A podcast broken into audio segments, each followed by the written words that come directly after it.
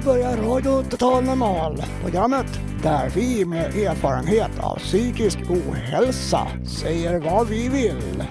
Vi som är med har alla erfarenhet av psykisk ohälsa.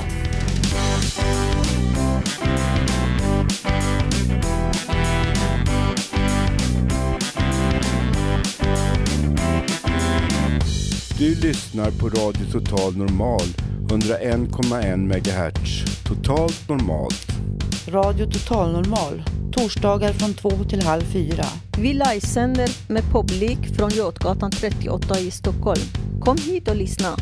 Här är alla röster lika värda.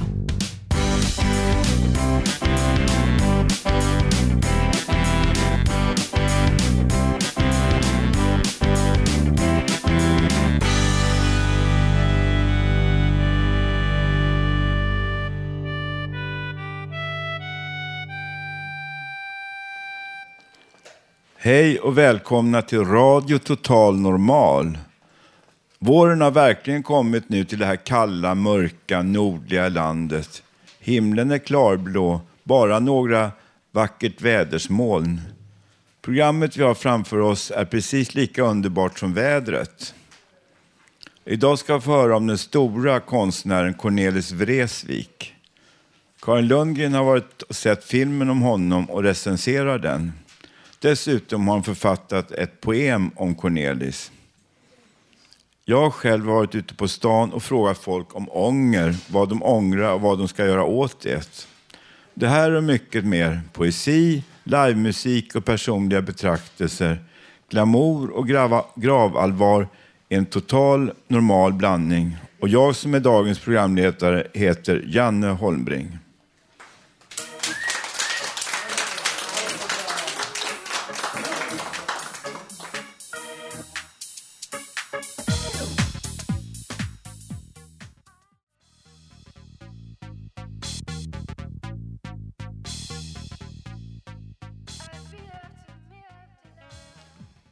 Ja, nu ska Siv prata om att en alkoholist vill aldrig ha trist. Ja, det är ju så att när vi råkar in i kriser här i livet och sitter ensamma och missförstådda, kanske förlorat en nära anhörig, då finns ju flaskan till hands. Och det är därför jag ska skriva, har skrivit en, en liten dikt om det. En, alko, en alkoholist vill aldrig ha trist. Det rullar på i mörkrets stilla vrå. En alkoholist vill aldrig ha trist. En 7,2 på morgon, ja det måste man ha för att må riktigt bra. Jag är en alkoholist, tycker att det är trist. Pengarna har jag inga, inga pengar och glaset är tomt. Och snälla du, kan jag inte få en 20-lapp till en öl? Och du förstår, min eviga död. en alkoholist vill aldrig ha trist. Han vill inte vara törstig heller. Hm. jag får pengar på måndag. Då får du dubbelt upp, min vän. Var nu inte snål, för det känns som ett hål i mig. Föraktet tinar bort. Och du och jag förstås. Det slutar i en rättegång för dem. En alkoholist vill aldrig ha trist och tycker att det är trist.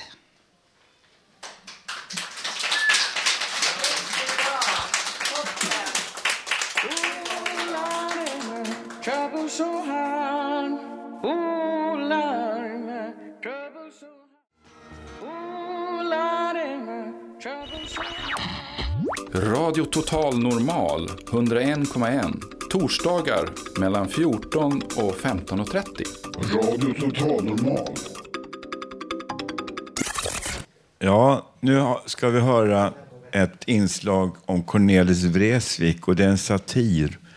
Och Cornelis Vreeswijk var en väldigt produktiv han var en väldigt produktiv personlighet och han, han eh, har ju skrivit mycket eh, visor och sånger och han har även översatt texter från nederländska och franska till svenska. Och nu har, har Karin Lundgren sett filmen om honom och eh, han var alltså en av vår tids största vissångare. Och eh, eh Cornelis fan har Karin varit hela sitt liv och hon fick inspiration att skriva en satir till Cornelis ära. Hej, jag heter Karin Lundgren. Jag ska läsa en nyskriven dikt eh, till Cornelis ära, Cornelis Vreeswijk. Och den har jag kallat Cornelis avfärd till Kronofogdens bävan. Eh, jag ska alltså sätta mig nu i Kronofogdens roll här och läsa den här dikten. Du kan ingenting ta med dig dit du går Nej, du kan ingenting ta med dig dit du går Du gick och dog du din eländige jon trots skatteskuld på en dryg miljon. En ansvarslös smitare, det är vad du är. Tog genvägen upp till Sankte Per. Hur kunde du vara så simpel och feg att du vägrade gå färdigt dina jordiska steg? Livet är inget välgörenhetslotteri. Vi står här med vår inbetalningsavi och känner oss blåsta förstås av dig, du din stora feta albatross. Vem anser du ska betala för dina partajer, ditt vin, dina drinkar och dina skaldjurspajer? Pom pom pom pom pom pom pom pom pom Du bara drog ifrån din höga nota och det stackars folket fick nota. Ska det vara något att briljera med? För din aptit får budgetbalansen ur led. Du sitter nog där uppe och flinar nu medan vi här nere vrålar hu och bu. Du är ju död, men vi, vi får ingen ro. Vi vill ju mjölka färdigt var ko. Men vår gamla vi, den ligger kvar tryckt i sin akt. Vi kanske kan mjölka din son Jack. Han skvalar ju ur sin trut likt de andra. Ty dina kvädesånger, de har börjat att vandra. Tjena assistenten. Jo, du förstår. Det är samma visa idag som igår. Jag behöver stålar till en fika och en macka. Får jag loss en tia så ber jag att få tacka sociala nämnderna samt lovar och svär att inte köpa brännvin för pengarna, sa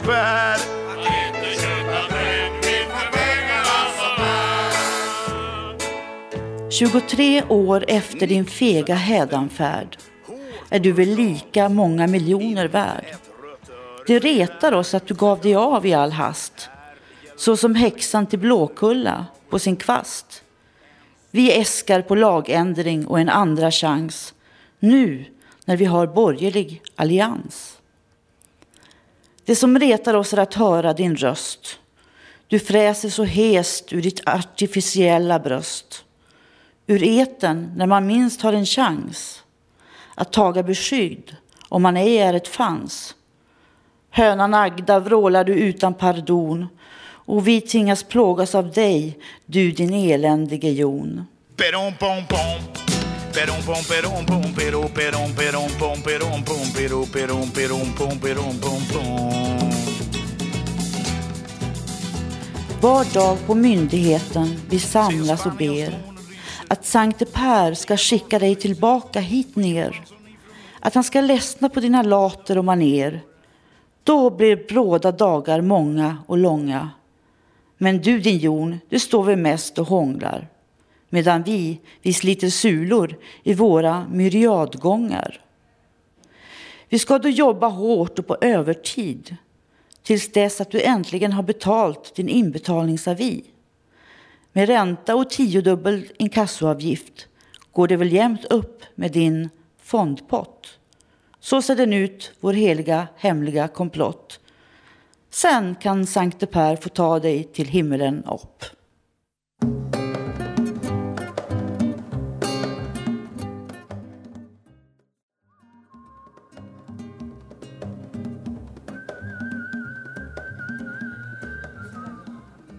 Ja, det var den vackra sången som jag tycker väldigt mycket om själv personligen. Jag tycker också om eh, sången Deidres Samba. Filmen om Cornelis liv har fått lovordad kritik och vår medarbetare Karin Lundgren har sett filmen och här är hennes recension. Nyligen hade filmen om Cornelis Vreeswijk biopremiär och nu har den också kommit ut på DVD och går att hyra. Det är en underbar och gripande film om en av våra främsta artister genom tiderna. Han hade så mycket kärlek inom sig som han gav oreserverat till sin publik. Hans låtar varvades från att vara satiriskt samhällskritiska till vackra poetiska skildringar av kärlekens villkor och skörhet. Han bar på ett barndomstrauma som han aldrig kom över.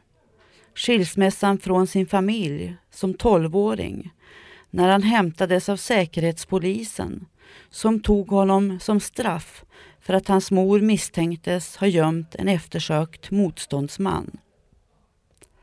Cornelis storhet jämförs med Bob Dylan och om han hade skrivit sina låtar på engelska hade han varit en internationellt stor artist idag. Men han skrev på svenska trots att det inte var hans modersmål, vilket i sig är ett bevis på hans enorma begåvning och intellekt. Cornelis levde ett hårt liv. Han festade vilt, söp och bjöd frikostigt sina vänner, vilket resulterade i att Kronofogden jagade honom. Enligt rykten delade han nu alltid upp gaget i ungefär lika stora högar så att alla musiker i bandet fick ungefär lika mycket. Hans hårda liv med ständigt festande och oförmåga att hantera sina pengar gjorde att han blev föremål för utmätning på grund av stora skulder. Hans stora passion i livet, förutom musik och droger, var kvinnor.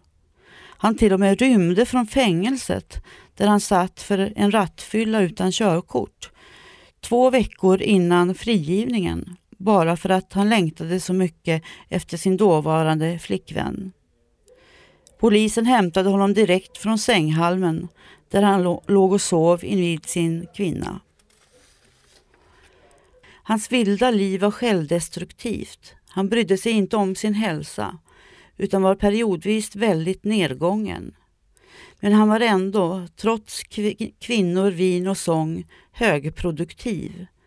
Hans skaparkraft var unik och hans musik var även ofta så pass samhällskritisk att makteliten förbjöd att han spelades i radion. Han reagerade omedelbart och kontrade med att radion inte fick spela varken hans så kallade farliga låtar så som hans vackra låtar om kärleken till kvinnor. Jag har varit Cornelius-anhängare ända sedan barnaåren och jag älskade den här filmen som skildrade denna kreativa buse på ett ömsint sätt. Fantastiskt nog spelades huvudrollen av en norrman som både liknar Cornelius och dessutom sjunger nästan lika bra, om än inte lika egenartat.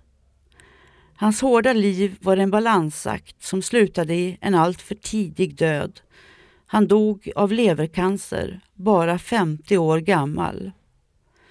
Om han hade haft självbevarelsedrift hade han överlevt. Men han lyssnade inte på sin kropps varningssignaler utan kom iväg till en läkare när det var för sent att operera bort tumören. Efter sig lämnade han en unik och stor produktion som vi kan njuta av och som idag spelas av bland annat hans son Jack samt andra svenska sångare. Cornelis i våra hjärtan, se filmen och köp hans skivor och gå med i Cornelius-sällskapet som bland annat förvaltar en fond där unga fattiga begåvningar kan söka stipendium. Jag var faktiskt med på Cornelis likvaka som hölls på den numera nedlagda krogen Södergök och det var en likvaka som pågick i tre dygn med mycket vin och mycket sprit och många hade tagit med sig sina gitarrer och spelade och sjöng hans låt under dessa tre dygn.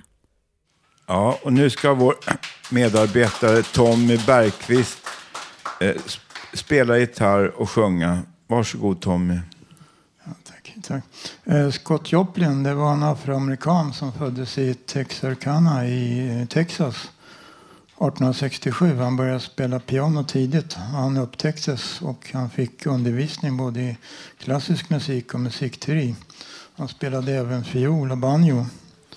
Och på 1880-talet kom han till St. Louis, Missouri. Och där började han spela på bordeller. Och samtidigt så har man börjat utveckla ragtime-musiken. Det kom från rag, som betyder trasa. Man trasade sönder tidsvärden alltså. Därför den kommer från. Och han fick sin första rag publicerad, The Maple Leaf Rag. Så småningom kom han till New York och eh, där skrev han eh, ett 40-tal rags som till exempel Palm Leaf Rag, Pitcherine Rag, Ragtime Dance. Och han skrev även eh, ragtime-sånger och mm, rags och marscher tillsammans med andra. Han försökte skriva en opera som tyvärr blev fiasko. Och, um, och samtidigt så börjar eh, uh, ragtime-musiken ersättas av eh, jazz. Och det bidrog till att han togs in på ett mentalsjukhus där han dog något år senare, 1917. Eh, han gjorde inga egna inspelningar på, på piano men på 1970-talet så återupptäcktes ragtime-musiken och de, flertal inspelningar gjordes. Och filmen The Sting kom också som hette på svenska Blåsningen som hade ragtime-musiken som tema. Jag ska spela ett arr på en låt från filmen som heter The Entertainer.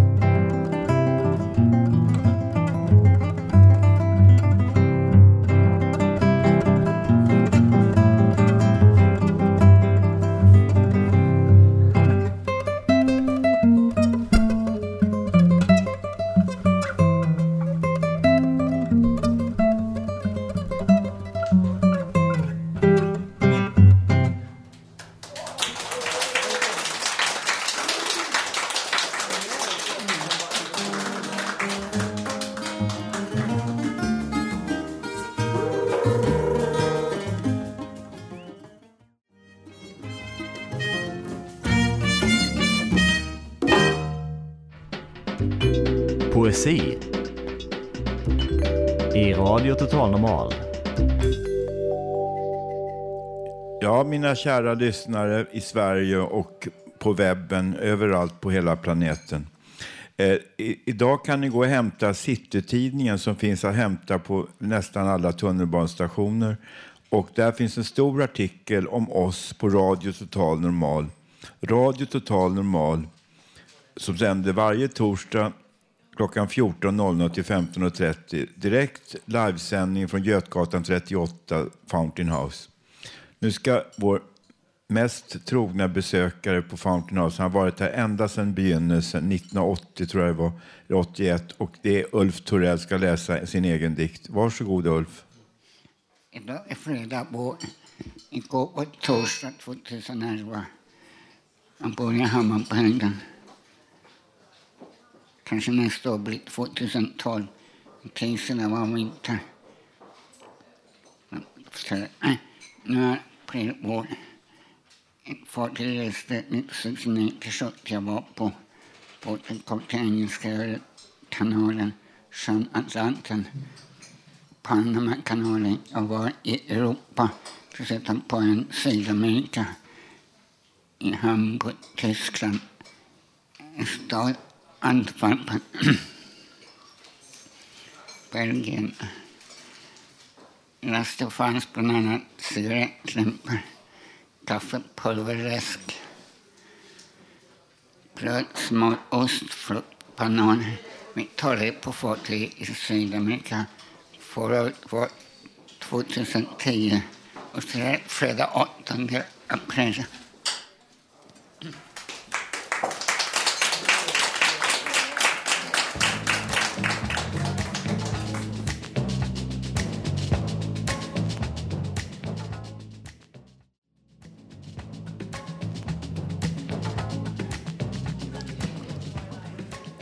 Ja, det här är Radio Total Normal.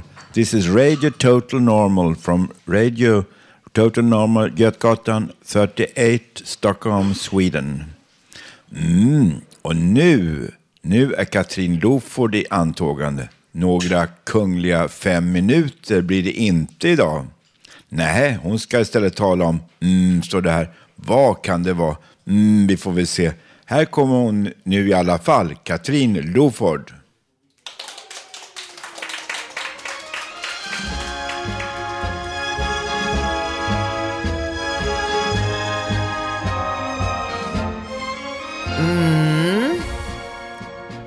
Det är för mig väldigt viktigt det där med att kort, och jag betonar bara kort får bli bekräftad med ett ynka litet mm. Det räcker. Jo, eller ordet nåväl, det går bra det också. Huvudsaken är, förstår ni, ja, jag hoppas ni vill förstå det här nu, för det här är viktigt, ja, att man har mjuka samtal. Mjuka samtal behöver jag. Jo, i alla fall om de vill att jag ska förstå. Förstå och kunna lyssna på vad det är de säger. Då måste eller bör personen i fråga först avsluta liksom mitt prat kort och gulligt med att bara typ säga mm, mm, eller jo, jo, eller ja visst, men och så vidare. Där kan de komma sen då, för då lyssnar jag på det de ska insistera. Punkt. Ja. För så fort jag hör det från den som talar till mig, så fort den där lilla korta försäkran på en sekund om att de verkligen hört vad jag precis sa, ja då kan jag börja lyssna på det som de då ska börja säga. Inte annars. Ja, tyvärr är jag sån. Funtad.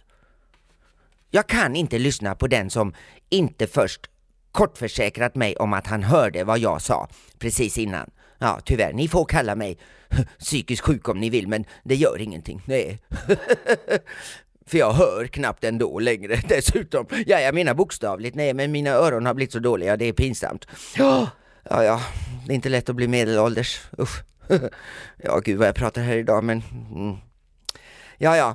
Och, och det är därför jag måste avbryta människor rätt ofta också. Ja, men det är klart.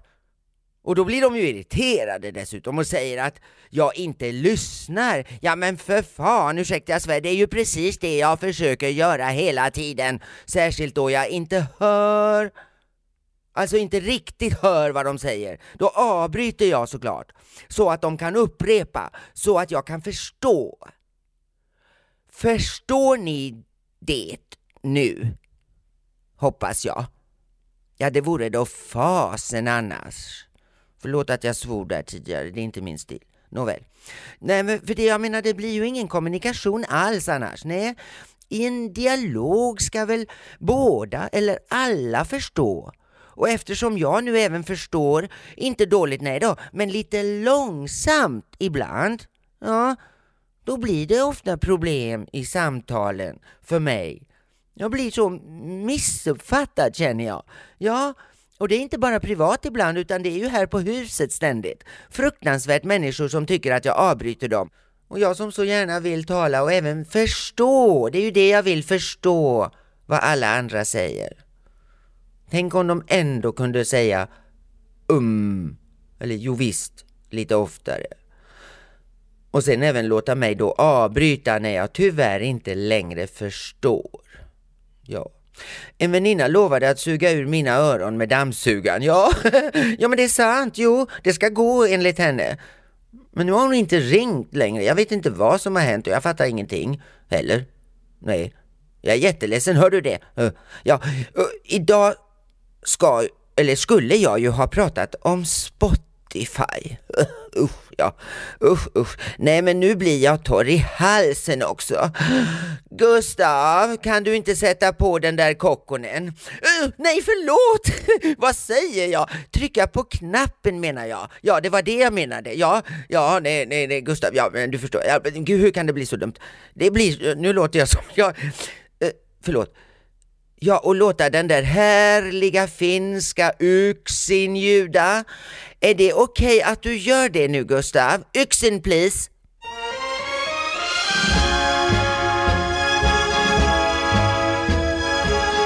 Jo, det där Spotify har jag inte riktigt fattat. Men eh, så kom ett annonsblad från Telia var det väl och de brukar jag slänga bara så ni vet. Ja, oh, ja, oh. Men så såg jag det ordet Spotify. Ja, det ser man och hör man. De pratar så mycket om det nu. Plus att Karn själv, som tydligen äger saken, blev intervjuad om det hela. Ja, herregud.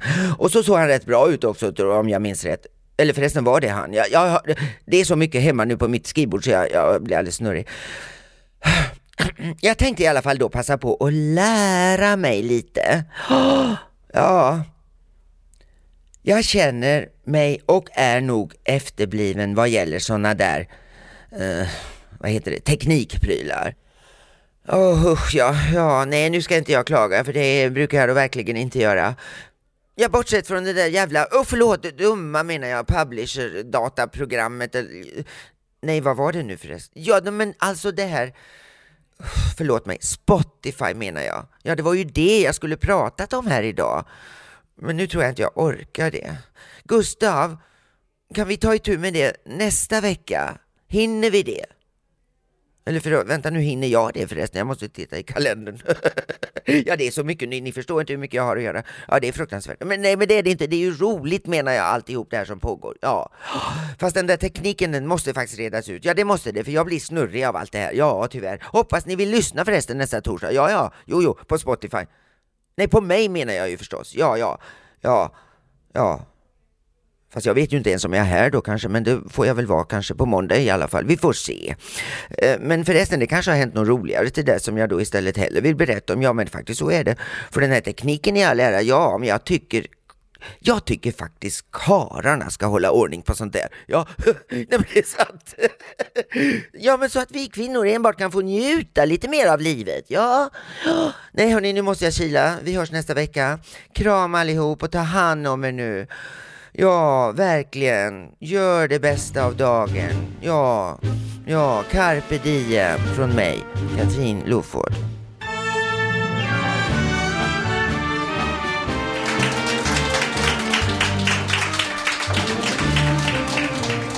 Taivas salamoi, yö peittyy tummiin kyyneliin. Se kuvas mieleen toi. Ja, det, detta är Radio Total Normal som sänder från Götgatan 38 i Stockholm. Nu ska vår medarbetare Susanna Skogberg läs, berätta lite grann hur man gör som patient eh, för att överklaga och klaga på vård och så vidare. Så att nu får hon berätta det själv.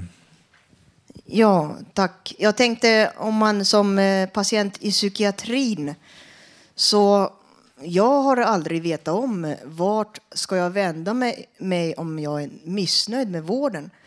Om det gäller somatiska eh, problem eh, som inte har med psykiatrisk vård att göra, det har jag vetat i alla år. Det finns något som heter patientnämnden eh, som drivs av Stockholms läns landsting. Om man har fysiska problem eller någonting som man är missnöjd med så kan man alltså eh, kontakta dem.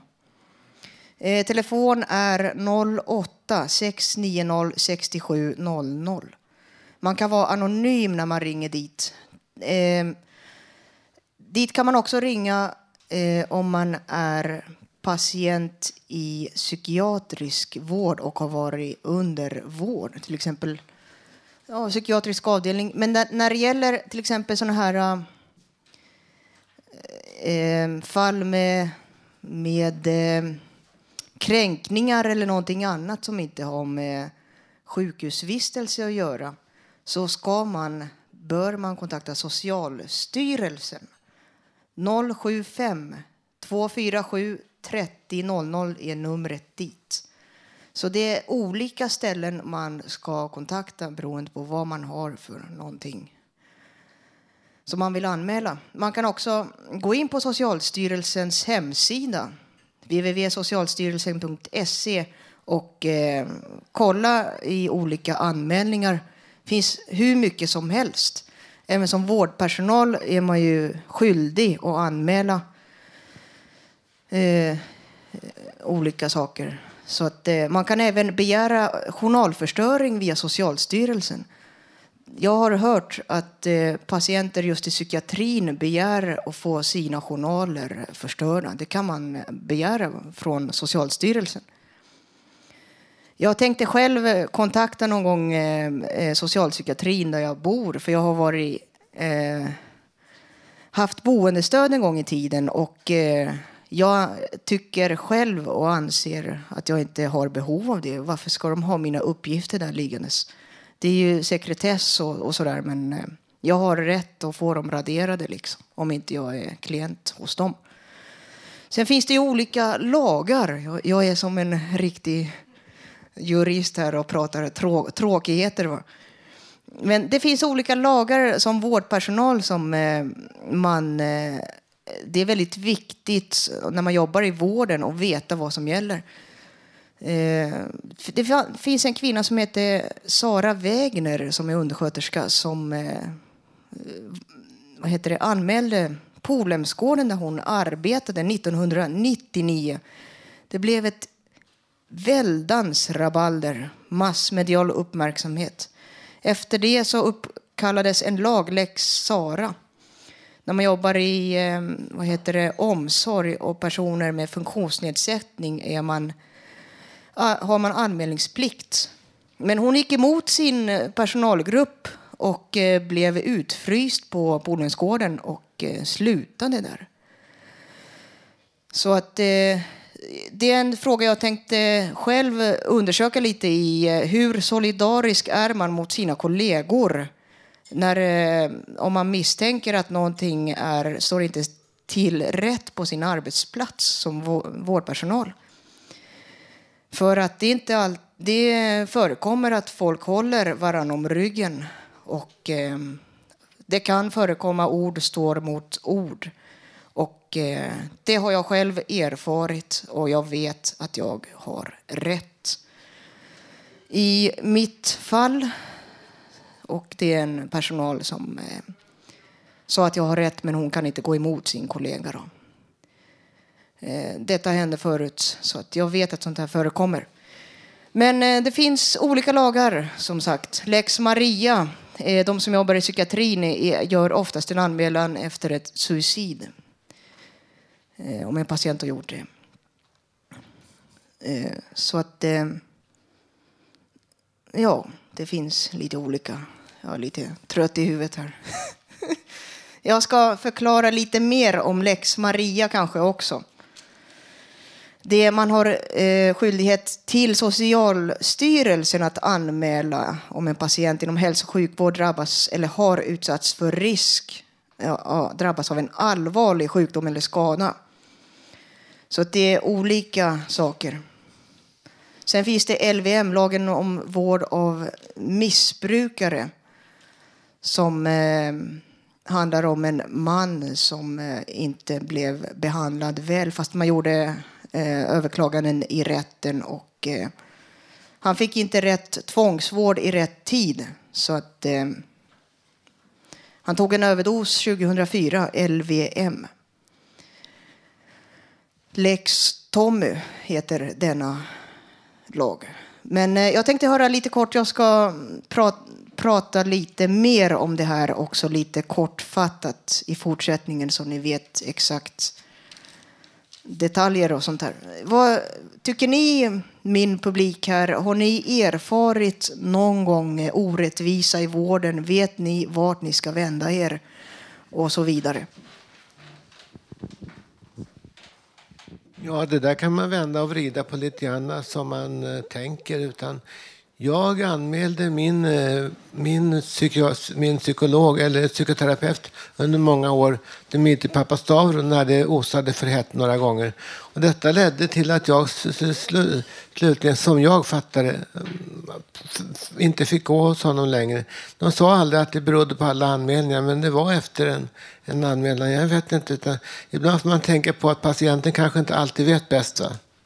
Men om det hade gått åt helvete på grund av detta, vad hade jag kunnat säga då? Ändå står jag där jag står nu och har inte kommit ända fram trots att det har gått tio år efter. Men tack, vidare. Ja, varsågod. Ja, jag, har fått, jag har bett och jag har fått alla mina journaler som inte är aktuella, jag har fått dem förstörda. Och jag har haft mitt ärende uppe ända i regeringen till socialdepartementet. Man kan anmäla till Socialstyrelsen, det har alltid kunnat gå. Men vad jag anser och jag vet är att Socialstyrelsen många gånger fungerar som en eh, eh, skydds eh, eller en fackförening då för läkarkåren och de håller ofta läkare under armen. Och, ehm, eller vad säger man, håller dem, ja, håller dem bakom ryggen. Och sen att ehm, Eh, personal är ofta är kollegiala mot varandra. Till exempel att en mamma och sonen jobbade på samma avdelning, vilket jag tycker är lite oetiskt. Och att det fanns mycket övergrepp, massa verbala övergrepp har råkat ut för på Långbro. Eh, jag anmälde också personal. Jag, jag har, och den personalen fick en varning, han fick en dagsböter, ganska kraftiga sådana och eh, så vidare. Och man kan gå till högre instans. Man är inte skyldig att acceptera kränkningar och, och eh, kränkande behandling och vård, eh, dålig vård. För det, det, måste uppmärksammas för att vården ska bli bättre, vilket alla vill. Alla parter vill att vården ska vara bättre. Till att vården ska vara mänsklig och att den ska ha ett innehåll, inte bara en förvaring. Tack. Jag tänkte säga en bizarr grej här. Jag lägger ut alla korten här på bordet på en gång. Jag har sagt det här tidigare i radion. Eh, jag var, har varit tillsammans med en man som var våldsam. Han jobbar på Beckomberga. Förr i tiden kunde man eh, jobba i, i psykiatrin och an, andra i vården utan utbildning. Jag har också jobbat som outbildad förut i vården. Han jobbar på Beckis eh, som outbildad mentalskötare. Och eh, snacka om bisarrt liksom. Men jag förkastar inte vårdpersonalen utan det förekommer knäppskallar överallt liksom. Ja, hej.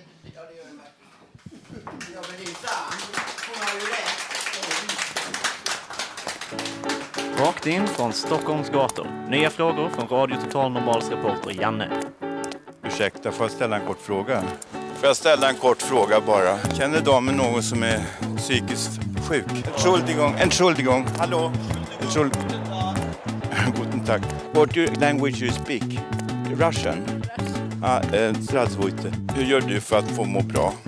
Ingen aning kompis. Nej, men det spelar ingen roll. Vet du. Om normala människor är tråkiga ja, så tack är jag så inte mycket. tråkig. Ja, nu fortsätter vi vår sändning från Eh, Radio Total Normal som ni kan lyssna på eh, i efterhand också på webben på www.radiototalnormal.se.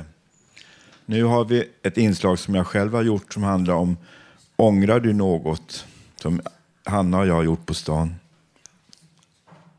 Nu är vi utanför porten till Götgatan 38, Fountain House, Stockholm. Nu ska vi fråga. Ursäkta, får jag ställa en kort fråga? Har du bråttom? Ja, Okej, men eh, så här, ångrar du någonting? Ångrar? Ja, ja. ja, en del. Ja, men säg det då. Vad Nej. är- Ja, men berätta. Nej, jag- Nej, okej. Ursäkta mina damer, får jag ställa en kort fråga? Har ni tid? Ja, det var inte det var frågan, utan frågan är så här. Ja, den är kort. Ångrar du något?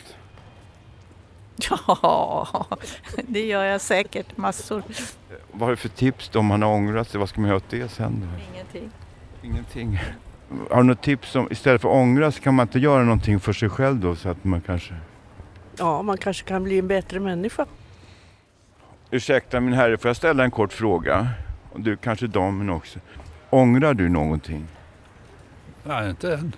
Nej, vad bra då. Och du, hustrun då? Ja, men det kan han inte ångra, det, ni ser så lyckliga ut. Ja, vi har varit gifta i snart 60 år så. Ja, vad, vad bra. Mm. Ni ser fräscha och pigga ut. Ja. Ha det bra, lycka till med nästa. Vad kul, var du gift i 60 år? Vad tufft. Då måste du nästan vara 80 va? Ursäkta, får jag ställa en kort fråga? Ångrar du någonting? Oh ja, jag tycker jag ångrar mig hela tiden. Vad gör du åt det när du har ångrat något? Jag funderar lite, ibland sover jag på saken innan jag bestämmer mig. Men sen hörde jag faktiskt en klok man, eller på mitt jobb har vi en, en bild så här så står det utan tvivel är man inte riktigt klok. Ja, det var jättebra sagt. Ja, tack så jättemycket då. Hej då. Nu frågar jag Hanna, ångrar du någonting? Ja, det gör jag. Men jag försöker att inte göra det. Försöker att tänka att jag har gjort mitt bästa, för det har jag faktiskt. Man får, man får kämpa sig igenom det. Alltså man, varje människa eh, uppgift är att uthärda livet, alltså, eller hur? Jag tror att jag ångrar nog eh, lite mer det som jag in, några grejer som jag har gjort ångrar jag. Eh, Och några grejer som jag inte har gjort ångrar jag ännu mer. Ångrar du någonting? Nej, jag är inte en ångerfull människa. Vad skönt, du har kanske inte har gjort någonting som du behöver ångra då. Det är säkert många andra som skulle ångra saker jag har gjort, men jag ångrar inte. Ja, vad bra, då slipper du det Nu har problemet. jag lite bråttom tyvärr. Ja, okej, men ha det bra. Ja, hej. Tappa inte kan... Ja, jag ångrar att jag blev psykiskt sjuk i och för sig då, men det var egentligen en protest också mot det som var, va? eller hur? Kan man verkligen ångra att man blev psykiskt sjuk? Ja, ja, nej det kan man nog inte göra. Det är lite svårt.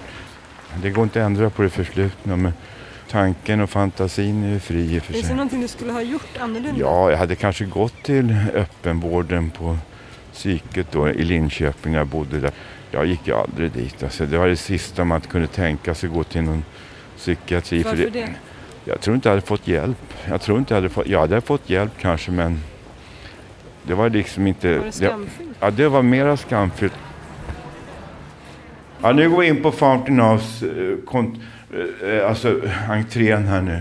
Nu kommer ett helt gäng personer. Eh, ångrar du någonting i ditt? Nej, det gör jag Och inte. du, ångrar du någonting? Jag vill inte leva om livet. Nej, det är bra. Inte repris. Det går inte repris, eller hur? Ångrar du någonting? Ja, mycket. Men vad bra, det gör jag också. Men vad, vad ska du göra åt det då? Eh, Kan jag göra något? Det är frågan. Ja, du kan väl tänka att eh, alla, jag har gjort dumheter, alla har gjort dumheter. Kan vi ändra på oss istället? Va? Ja. Vi gör det, vi, vi tar chansen. Nu går vi upp för första trappan. Nu kommer ett till offer här. Nu ska vi plåga dig. Ångrar du någonting som, i ditt liv? Ja, massor. Ja, men, vad tänker du göra åt det då? Ja, det är bara att tänka efter och göra klokare beslut nästa gång. Jaha, jag ska se vem jag ska plåga här. Får jag plåga dig lite grann? Ångrar du någonting? Nej. Det, det är ångestloppet. Jag missade ångestloppet. det är ångest. Jag fick ångest en gång av ångestloppet. Jackan gick sönder och fick jag ångest. Eh, Filifjonkan, eller k- knyttet då, extra knyttet. Ångra eh, knyttet i filifjonkan. Eller vad säger Nu sa- ångrar jag att jag sa det. Ångrar du någonting? Du får anonym. Ångrar ingenting. No, no, re, no regret. Man ska aldrig ångra det man har gjort. Man ska ångra det man inte har gjort. Vad bra, vad kul, det var jättebra. Non, rien de rien. Non, je ne regrette rien. Ni le bien. qu'on m'a fait.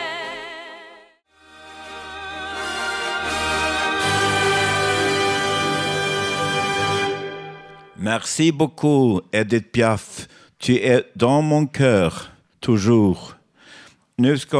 Kalle läsa någonting som handlar om Du är min barndomsstad. Varsågod, Kalle. Ja, det är en dikt som för de som behöver lite nostalgi i alla svårigheter. Vad mörk natten är i storstaden. Vad tog den vägen, solen över ängarna? Var är min barndomsstad med pastellfärgade husväggar längs kullerstensgator? En sommarkväll då körsbärsträden stod i sin vackraste blomning. Jag vill till de festhögtider då flickor lät rockringar gå i virvlar runt trådsmala midjor. Under det att pärlande skratt steg mot en himmel lika klar som friheten själv. Då stod alltid fönster öppna mot gatan och mödrar sågs vid vitdukade bord. Där drycker kluckade i glasen med samma klarhet som klappret av lackskor i något av rummen intill. Även här rådde en förväntansfull atmosfär. Ändå hade människorna här en mer avslappnad hållning i vetskapen om närvaron av kärleken själv. Så lät flickan presenten ligga. Mötte pojken i ett leende i ett rum där alla fönster stod på glänt. Och försommarkvällens dofter stillade alla tvivel på lyckan. Jag vet jag framhärdar allt för ofta i en sprucken längtan efter gamla tider. Men jag kan inte motstå atmosfären av den värld som en gång tycktes som tecknad av en sammetshand och vars stillhet var som ett eko av evigheten själv.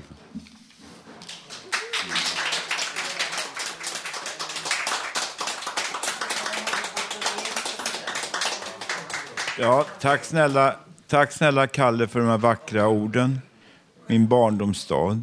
Och nu ska, nu ska Gabriel eh, prata och framföra en låt. Varsågod Gabriel. Tack så jättemycket. Den här låten eh, satt jag och pillade med för länge sedan. N- Är det nu faktiskt. Nu är det så här eh, långt tillbaka som jag eh, höll på med den här. Och, eh, och så i morse så fick jag någon, eh, någon blackout efter att ha varit ute och dragit runt på stadens gator och torg. Och så satte jag mig vid min mjukvarusampler och, och la lite effekter. Så, så det blev så här. Gustav, take it away.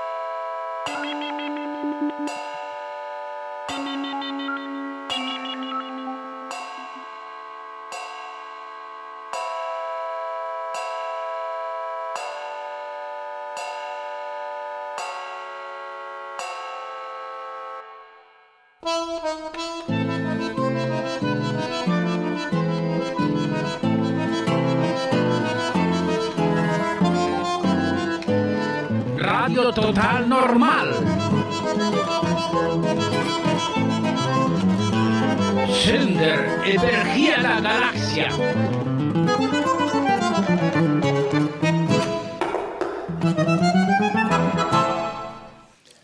Ja, nu ska Robert Navestam läsa någonting om moral. Visst, jag är Robert Naberstam och jag ska skriva, läsa lite grann här nu denna torsdag. Det är bra väder ute och nu börjar faktiskt våren närma sig. Men visst, visst är jag häftig. Med baj i brallan hela vägen till helvetet. Visst, jag är väl häftig. Jag sitter här och jag kan glatt undertrycka hur vilken gång som helst i handlingarna som aldrig annars. Visst, jag är väl häftig med baj i brallan hela vägen till helvetet. Ni driver med mig. Ni vet inte nog hur eller annars. Om när, var, hur eller annat. Ni driver med mig. Ni vet inte nog vad eller annars. Är det skönt att driva med en man som knappt kan ta hand om sig själv? Är det roligt att göra vad ni vill, med vem ni vill? Är det makt att känna min rädsla? Att inte förstå, men att reagera på min ångest? Visst är det makt att känna min rädsla och tänka det var dårens eget fel. Varför skulle inte ni klara er? Visst, visst, jag är häftig. Med berg i brallan hela vägen till helvetet. Visst är jag väl häftig. Jag vet inte vad eller hur. Men jag hoppas än. Jo, jag hoppas än att det kan gå bra för mig. Visst, det kan ju gå bra. Jag vet inte vad eller när, hur annars eller var. Men jag hoppas än, och jag hoppas än att det faktiskt kan gå bra för mig. Visst, det kan ju gå bra hela vägen till himlen. Men vad, när, hur annars? Jag sitter här när jag skrev detta framför en glödande skärm. Jag sitter där jag sitter. Har jag framtiden i mina händer? Vad skulle jag kunna förstå om när, var, hur eller annars? När man ser på den lilla skärmen, här kommer det ord av små gröna män ibland. Andra gången är det inte vad eller hur. Jag hoppas än att de små gröna männen kan leva det med var det än finns och är. Man kan se en gammal dåre om 30 år när, vi har hela skiten här kanske. För 40 år sedan då, då åkte han ur sitt boende. Han pallade inte. Och myndigheterna ville inte höra hans gafflande om små gröna män som också hade rättigheter. Han togs in på dårhus.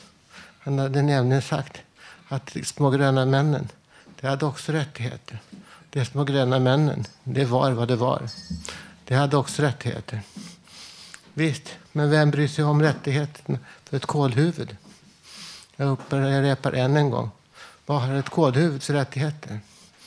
Vem bryr sig om rättigheterna för en liten grön man?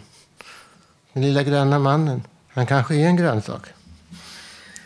Ja, vad fan sitter du och där bryr dig om rättigheterna för en grönsak, för ett kolhuvud?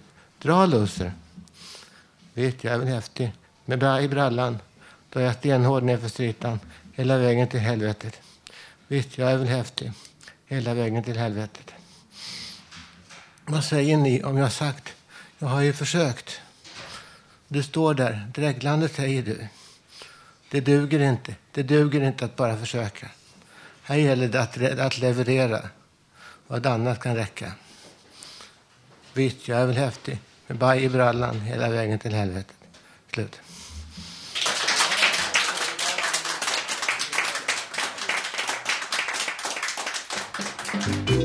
Poesi i Radio Total Normal. Ja, nu ska en, en besökare som heter Juri läsa en dikt av Gustaf Fröding. Ja, hej, hör ni mig? Jag heter Dyri och Mariana och jag har kommit från träfflokalen Balder i Vasastan. Vad kul att se här. Jag tänkte läsa en dikt som jag tycker väldigt mycket om. En dikt av Gustaf Fröding, Börjar med vad är poesi? Ni vet, I dagarna fyller Thomas Tranströmer 80 år. Och ikväll är Babel på tv. Då är det ett program om Thomas Tranströmer, det kan ni titta på.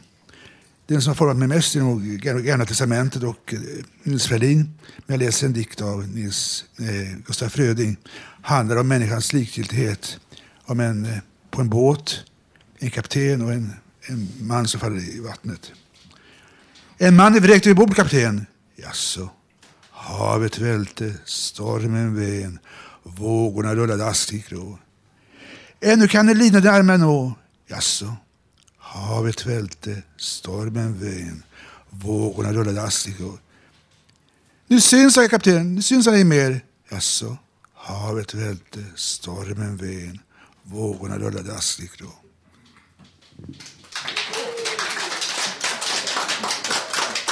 Det är också... Just det, Juri, det är också min favoritförfattare. Juri, Juri, Eh, det är min favoritförfattare Gustaf Fröding samt eh, Karin Boye. Jag har dem hemma, samlade verk av dem. Och nu ska LO prata om trädgårdsarbete. Varsågod, LO. Hej allesammans. Det är, jag tycker det är speciellt roligt idag när City har skrivit om oss på sidan 2 och 3. Så ni som ännu inte har fått tag på en City, försök att göra det. Ehm, jag har tittat igen. Jag har ju den sedan många år i min bokhylla. En bok som heter Snickra för hem och trädgård av Leif Kvist. Och där finns det 50 projekt för trädgården, bostaden, fritidshuset och balkongen. Så, ni som är närvarande kan nu titta på framsidan. Och jag har fallit för att eftersom man ännu inte kan plantera ut de växter man har satt i söderfönster för att förbereda inför utplantering så kan man ju då nu bygga kanske en odlingslåda med spaljer. Eftersom det är trevligt med solvarma tomater från egen odling. Det smakar ju så gott. Och i den här odlingslådan får det plats fyra stycken klättertomater. Och plantorna kan antingen köpas färdiga för plantering eller drivas upp från frö inomhus och sedan omplanteras. På spaljén kan även klätterväxter odlas, till exempel bonbönor eller luktärtor. Och de doftar ju väldigt härligt och har vacker färg. Odlingslådans mått i det här fallet är anpassad för en normalstor balkong. Men själv har jag ingen balkong utan jag har tillgång till en stor trädgård mellan våra hyreshus eftersom jag bor hos SKB, Stockholms kooperativa bostadsrättsförening, där vi bestämmer själva vilken hyra vi har på lägenheterna. Och man ska använda eh, hyvlad furu som är tryckimpregnerad klass A eller klass AB. Och eh, man bör börja med att välja ut en solig plats på tomten då eller balkongen. Sen skruvar och spikar man ihop lådans båda långsidor med hörnstolparna 22 mm från ytterändarna och skruvar sedan fast lådans gavelbitar. Och så skruvar man fast de tre fotlisterna på långsidornas undersida. En skruvas på mitten och de andra två 100 mm från gavelkanterna och fördela på de två bottenbrädorna med tre stycken springor, 5 mm breda och skruva fast i fot, fotlisterna. Bottenspringorna och fotlisterna är till för luftning av odlingsjorden. Vid balkongodling bör en plastfolie skydda balkonggolvet från jord och fukt.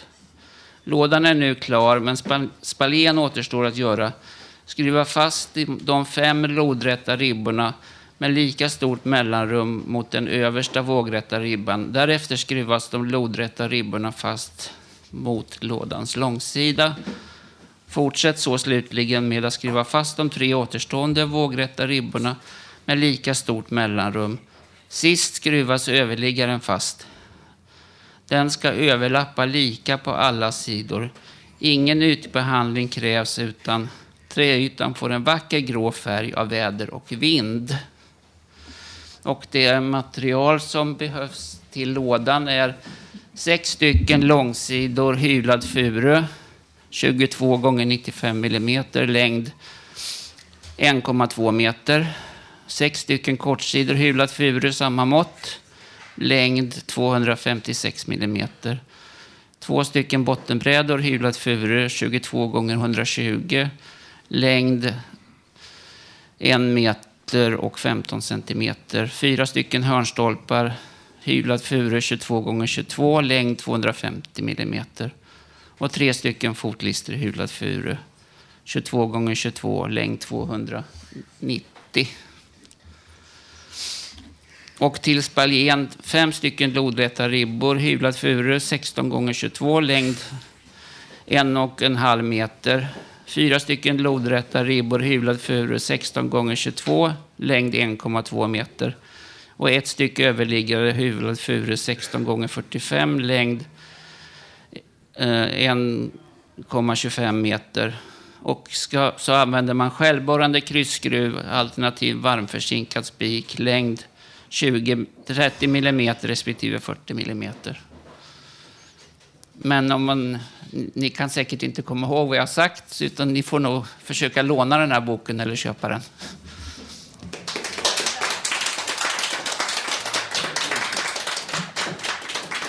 Tack, tack LO för de här fina beskrivningarna av hur man gör, odlar balkong, på balkonger, balkonglådor.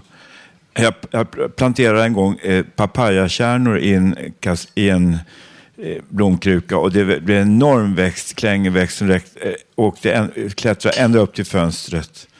Och det var jättejobbigt för den skräpade väldigt mycket. Ja, men nu är det så här, nu har vi kommit till slutet av sändningen.